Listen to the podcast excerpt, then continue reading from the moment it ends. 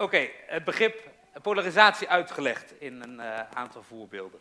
Waarbij ook wordt gezegd dat uit polarisatie ook iets goeds kan voorkomen. Uh, ik geloof als naar de Bijbel kijken dat we er aan alles aan moeten doen om die polarisatie tegen te gaan. Om niet verder van elkaar verwijderd te raken, maar dichter bij elkaar te komen. En vanmorgen wil ik er wat over vertellen. En dat ga ik zo kort mogelijk doen, want om kwart over twaalf begint PSV.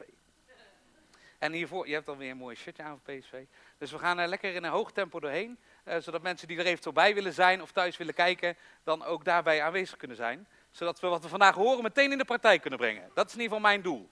Dus als je me iets wilt teruggeven over de preek, dan kan dat of over twee weken, of je moet me appen, of je moet me bellen. Want ik strak, pak straks mijn piano in en ik ben weg. Dus of je moet achter me aanrennen, mag ook. Dat is ook prima. Uh, kijken of we meteen in de praktijk kunnen brengen uh, wat we zien in de Bijbel over polarisatie. Nou, misschien ken je Sieren wel. Sieren is een organisatie die maatschappelijke problemen aan de kaak stelt. Die probeert door middel van een campagne gedragsverandering tot stand te brengen. Nou, dat hebben ze ook geprobeerd op het gebied van uh, polarisatie. Dat was dit jaar een campagne van ze. Nou, heel kort filmpje, en dan ben ik klaar met mijn filmpjes hoor, dan ga ik het zelf doen.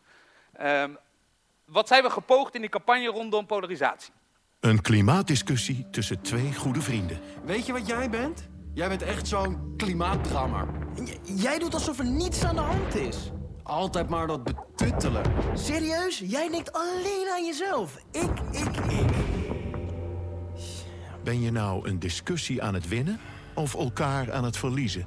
Verlies elkaar niet als polarisatie dichtbij komt.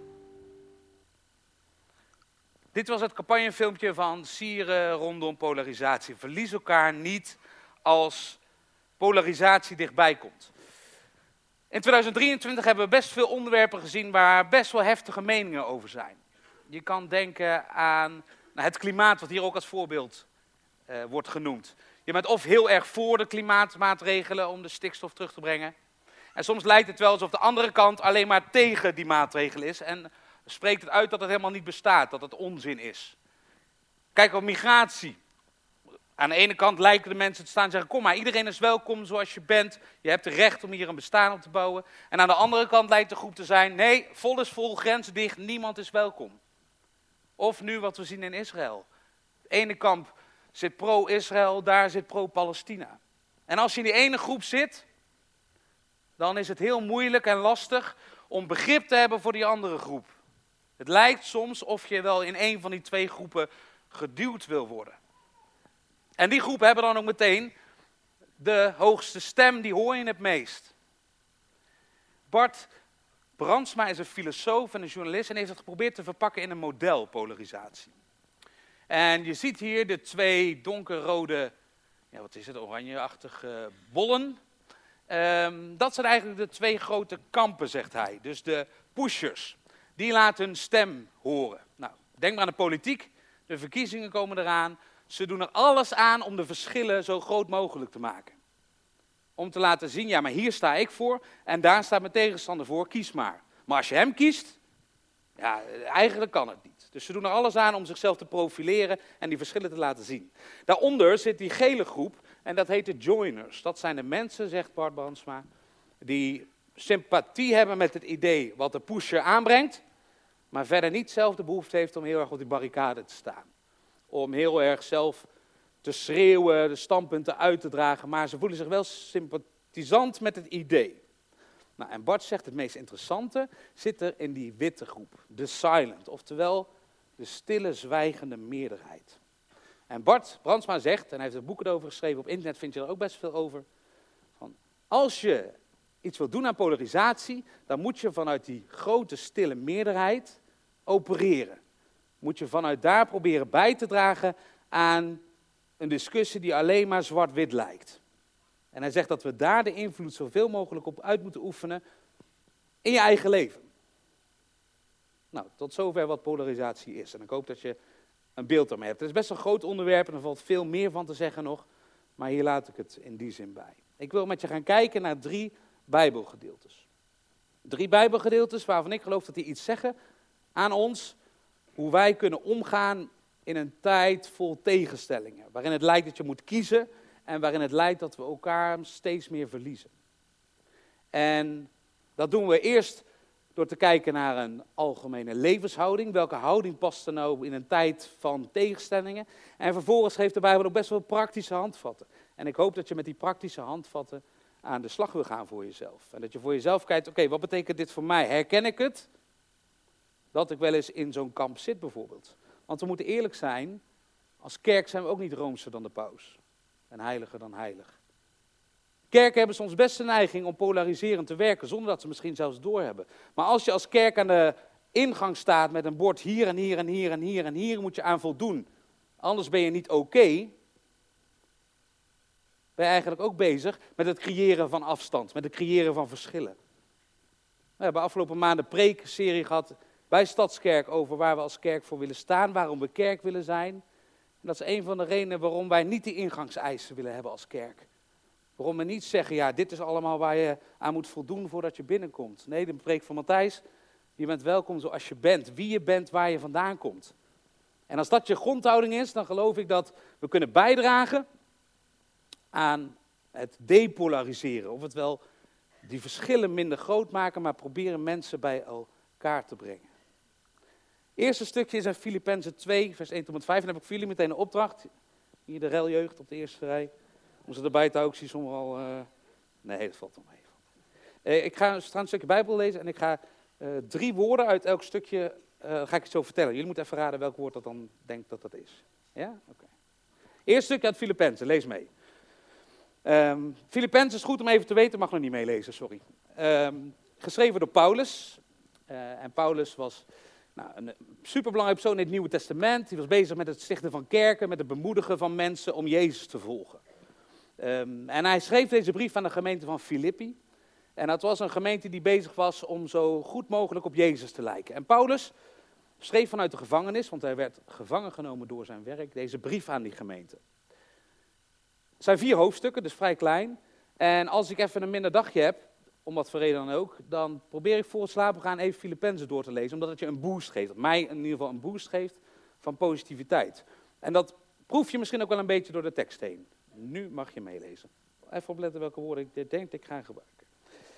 Nu u door Christus zozeer bemoedigd wordt en liefdevol getroost, nu er onder u zo'n grote verbondenheid met de geest is, zoveel hartelijk medeleven, maak mij dan volmaakt gelukkig, zegt Paulus, door eensgezind te zijn.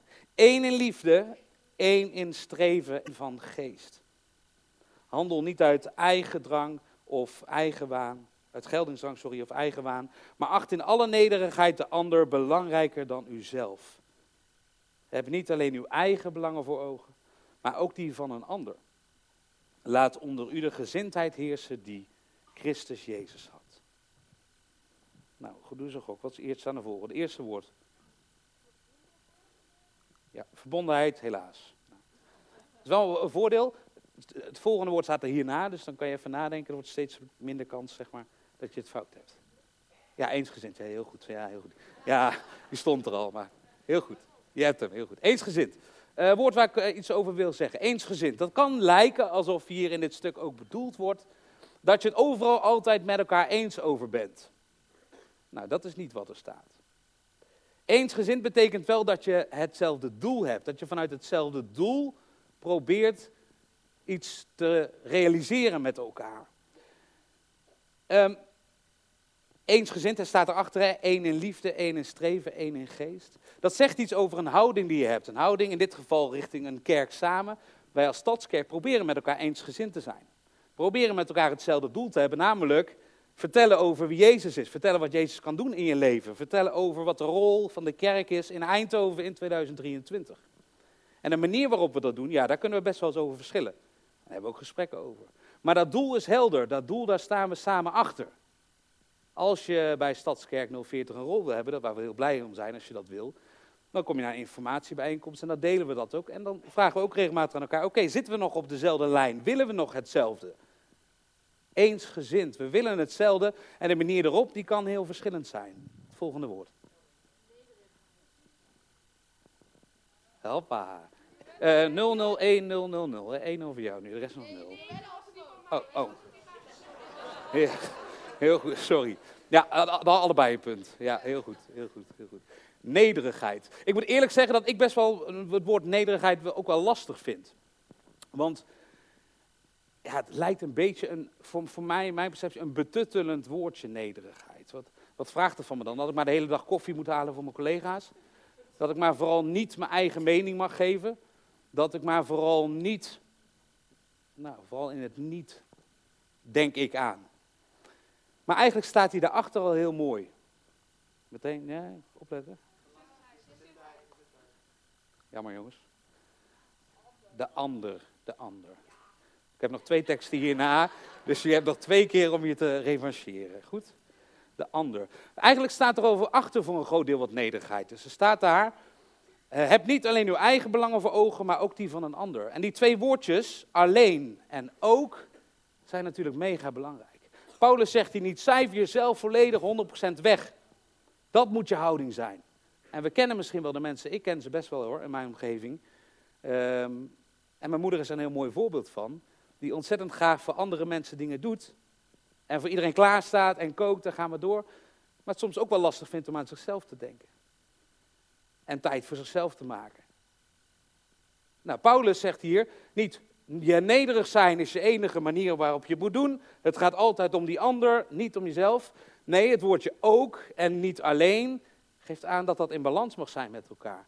Dat je uiteraard ook aan jezelf denkt, tijd voor jezelf maakt op het moment dat dat nodig is. Jezelf op waarde schat. Maar dat gaat hand in hand met die ander. Nou, als deze drie dingen je houding zijn waarvanuit je naar de andere mens kijkt, dan heeft dat invloed op hoe je in discussies, in gesprekken reageert.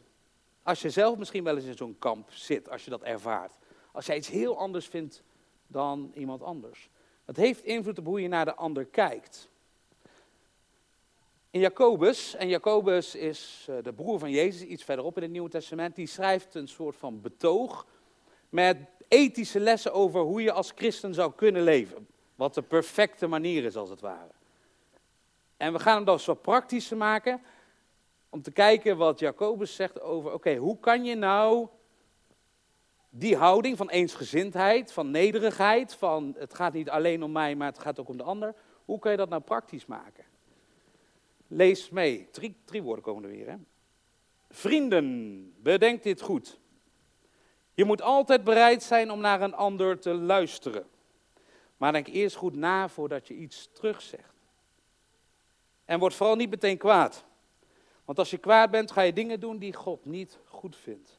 Nee, blijf altijd vriendelijk. De eerste. Ja, dit kunnen ze goed. Dit is heel goed. Ja, nou uh, mannen, kom hè. Volgende is voor jullie. Bedenk dit eerst goed. Je moet altijd bereid zijn om naar een ander te luisteren. Nou, en ik spreek eigenlijk voor mezelf vandaag. Want als mensen die mij een beetje kennen, weten ik dat ik best mijn praatje wel klaar heb. Wat ook wel handig is als ik op het podium sta. Maar ook in gesprekken. Ik ben opgevoed en opgegroeid in een ontzettend verbaal sterk gezin. Mening geven, ja. Kritisch zijn, ja. Dat hoort erbij. Als we verjaardag hadden met de familie, dan ging het nooit over koetjes en kalfjes, maar het ging over de kerk, over politiek, over uh, sport soms. En we vonden met z'n allen wat. Als wij terugrijden reden van de kerk vroeger, en nu ook nog wel eens, en we zitten bij elkaar koffie te drinken na de kerk. Ja, ik kan er vergif op innemen, er wordt altijd over de kerk gesproken, hoe we het vonden, de dienst. En de mooie dingen, maar ook de dingen waarvan we denken, nou dat kan beter. Ik ben heel erg opgevoed met, je mag een mening hebben, het is goed om een mening te hebben en het is goed om kritisch te zijn. En ja, dat vind ik in de kern ook. Het is goed om kritisch te zijn, om een mening te hebben, om daarover na te denken.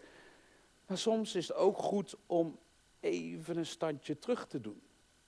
Om te leren, en ik moet mezelf dat echt aanleren, en ik probeer het op mijn werk ook.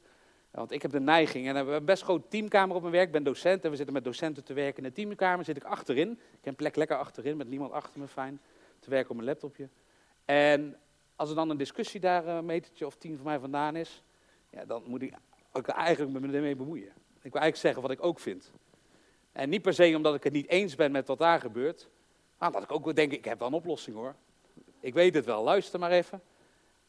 En soms is het ook goed, hoe moeilijk dat dat ook vindt, om even luisteren, luisteren wat er gebeurt. En dat heeft ook met die nederigheid te maken. Gaat het altijd om zeggen wat je vindt je mening geven? Of gaat het er ook soms om, pak je rust. Denk goed na voordat je iets zegt. Volgende woord. Help ik een punt van de mannen. Ja, punt van de mannen. Uh, kwaad. Word niet meteen kwaad. We kennen ze allemaal wel, die korte lontjes, hè? Waarvan je al voelt, ik moet nu heel voorzichtig mijn woorden afwegen wat ik zeg, want anders krijg ik hem vol van voren de laag. Word niet meteen kwaad. Nou, misschien is dat voor sommige mensen vanzelfsprekendheid niet meteen kwaad worden, maar ik denk dat we allemaal een situatie kunnen voorstellen waarin we voelen dat het iets met ons doet. Ik sta nu een jaar of acht voor de klas en ik heb in die acht jaar één keer gehad dat ik bij een klas voelde dat ik lichamelijk boos werd. En ik ben best wel vaak boos, maar dat is dan geacteerd. Want door, ja, als je docent wil zijn, dan moet je ook kunnen acteren, want soms wil je bepaald gedrag zien, waardoor je dus doet alsof je het heel erg vindt, maar je denkt, oh, valt allemaal wel mee. Maar toen voelde ik van binnen langzaamaan, en ik hoor, nou moet ik oppassen. Nou moet ik oppassen, want als ik, als, als ik nu leg maar dit verder laat komen, dan ga ik dingen zeggen waar ik spijt van krijg. Dan word ik kwaad, moeten we niet hebben. Dus toen heb ik ervoor gekozen, en dat is al een jaar of zeven geleden, gelukkig zeven jaar geleden, dus niet vorige week of zo. Uh, toen ben ik even de klas uitgegaan. Ik ga even koffie drinken, jongens, kom zo terug. Nou, toen kwam ik terug. Was gelukkig het hele lokaal nog uh, intact. Maar het heeft voor mij wel, op het moment dat het doet iets met je als je lichamelijk je kwaad voelt worden. En dit kunnen hele mooie woorden zijn op zo'n scherm of in de Bijbel, oh, valt wel mee, ik word niet zo kwaad. Maar er kunnen natuurlijk dingen ontstaan waardoor je kwaad wordt. En ook in een polarisatie, in een discussie tussen twee sterke meningen, kan het gebeuren dat je kwaad wordt. Dat je kwaad wordt op de ander en vervolgens niet meer begrijpt wat er gebeurt. Oefening in kwaad zijn door te luisteren, zegt Jacobus. Doe je dat niet, dan neemt die emotie de overhand. De laatste? Ja, allemaal. Ja, ja, ja. Dan ga ik, die strijd ga ik niet aan. Dan heb ik ruzie met de een of met de ander. Hè? Dan worden jullie kwaad en dan mag niet, want jullie moeten luisteren. Hè? Vriendelijk, daar zit het woord vriend in. Een oproep. En we komen het best vaak tegen in de Bijbel. Blijf vriendelijk. Het zegt iets over de houding die Jezus wil zien bij ons een vriendelijkheid. Er zit het woord vriend in, hè? en ik kan me niet anders voorstellen dat je heel graag omringd bent door je vrienden. Want als het goed is, geeft je dat positieve energie. Vind je het prettig om met die mensen te zijn.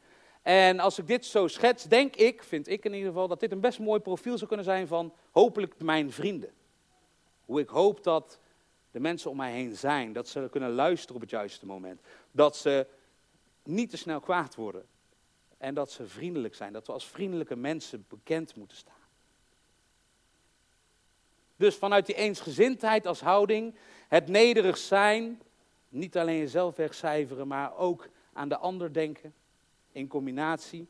Naar praktisch gezien luisteren naar de ander, je boosheid onder controle houden. Naar een vriendelijke houding komen we bij de woorden van Jezus. Want misschien zegt Jezus niet direct iets over polarisatie. Maar in Jezus heel zijn houding door de Bijbel zien we dat hij alles eraan doet om die kampen die tegenover elkaar staan bij elkaar te brengen. Omdat Jezus niet voor het ene kamp is gekomen naar de aarde. Dat we met kerst gaan vieren straks. Of voor het andere kamp. Nee, Jezus zegt, ik ben er voor je allemaal. Voor iedere tegenpool. Uh, weer drie woorden, maar ze staan wel achter elkaar. Dat is, dat is dan de hint. Jezus zegt, ik geef jullie een nieuw gebod, heb elkaar lief. Nog niet. Zoals ik jullie heb lief gehad, zo moeten jullie elkaar lief hebben. Nou. Heel goed. Allemaal een punt. Iedereen, iedereen een punt. Ik ben heel vrijgevig. Heb elkaar lief. Daarin komt eigenlijk alles samen, ben ik van overtuigd. En het is misschien een beetje een, ja, die term heb je misschien wel vaker gehoord als je, als je in de kerk komt. En ik heb het ook genoemd toen ik hier sprak in september over de kracht van de kerk. De kracht van het samen zijn met elkaar. Maar hier begint het wel mee. Hoe kijk je naar die ander?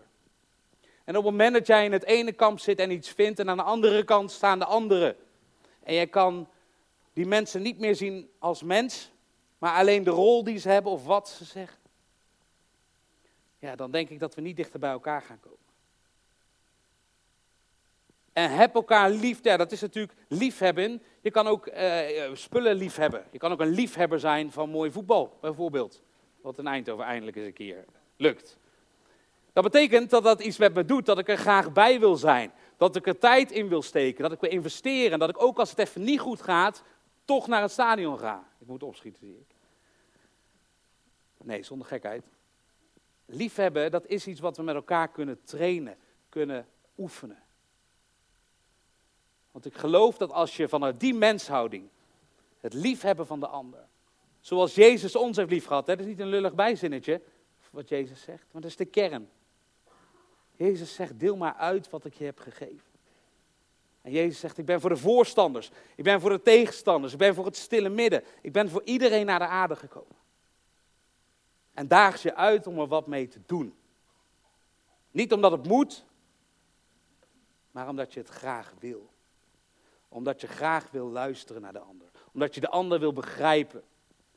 Dat je vanuit die verbinding de relatie met de ander wil zoeken. Omdat Jezus die relatie en verbinding met jou zoekt. En daar gaan we de komende weken naartoe werken met elkaar. En daar kijk ik ontzettend naar uit. Ik wil vragen of jullie er gezellig bij komen. Want dan gaan we met elkaar zingen over die mooie grote God. En tot slot gaan we naar het plaatje waar we mee begonnen zijn. En de laatste quizvraag. Uh, er komt hier iets uit het plaatje bij. Wat zou erbij kunnen komen? Oh, kijk, een brug. Ja, heel goed. Knap hoor, een brug. Een brug. Ik geloof als je vanuit een levenshouding die Jezus laat zien in de Bijbel naar andere mensen kijkt, de andere mens belangrijk vindt, leert luisteren. Dat wij als kerk, als stadskerk, jij als mens het verschil kunt maken in een discussie tussen links en rechts, tussen voor en tegen. De mensen die steeds verder van elkaar verwijderd kunnen zijn. En ik wil je uitdagen om na te denken, hoe kan ik dat in mijn leven doen? Nou, ik ga zo naar het stadion en ga kijken hoe ik het daar kan doen. Wish me luck. Hm? 6-0. Nou ja. Um, ik wil je uitdagen om te kijken hoe jij dat in jouw leven kan doen. En of je herkent. Ga eens kijken van de week hoe je die oren gaat gebruiken. Hoe je je stem gebruikt. Wat zeg je wel, wat zeg je niet. En hoe kunnen we ons verdiepen in de ander. Hoe kunnen we lief hebben zoals Jezus ons heeft lief gehad. En dan ga ik langzaam naar achter. Terwijl ik dan nog even doorpraat om de tijd te vullen. Zodat het niet te stil is. Gaan we met elkaar zingen. Een nieuw lied. Niets te wonderlijk.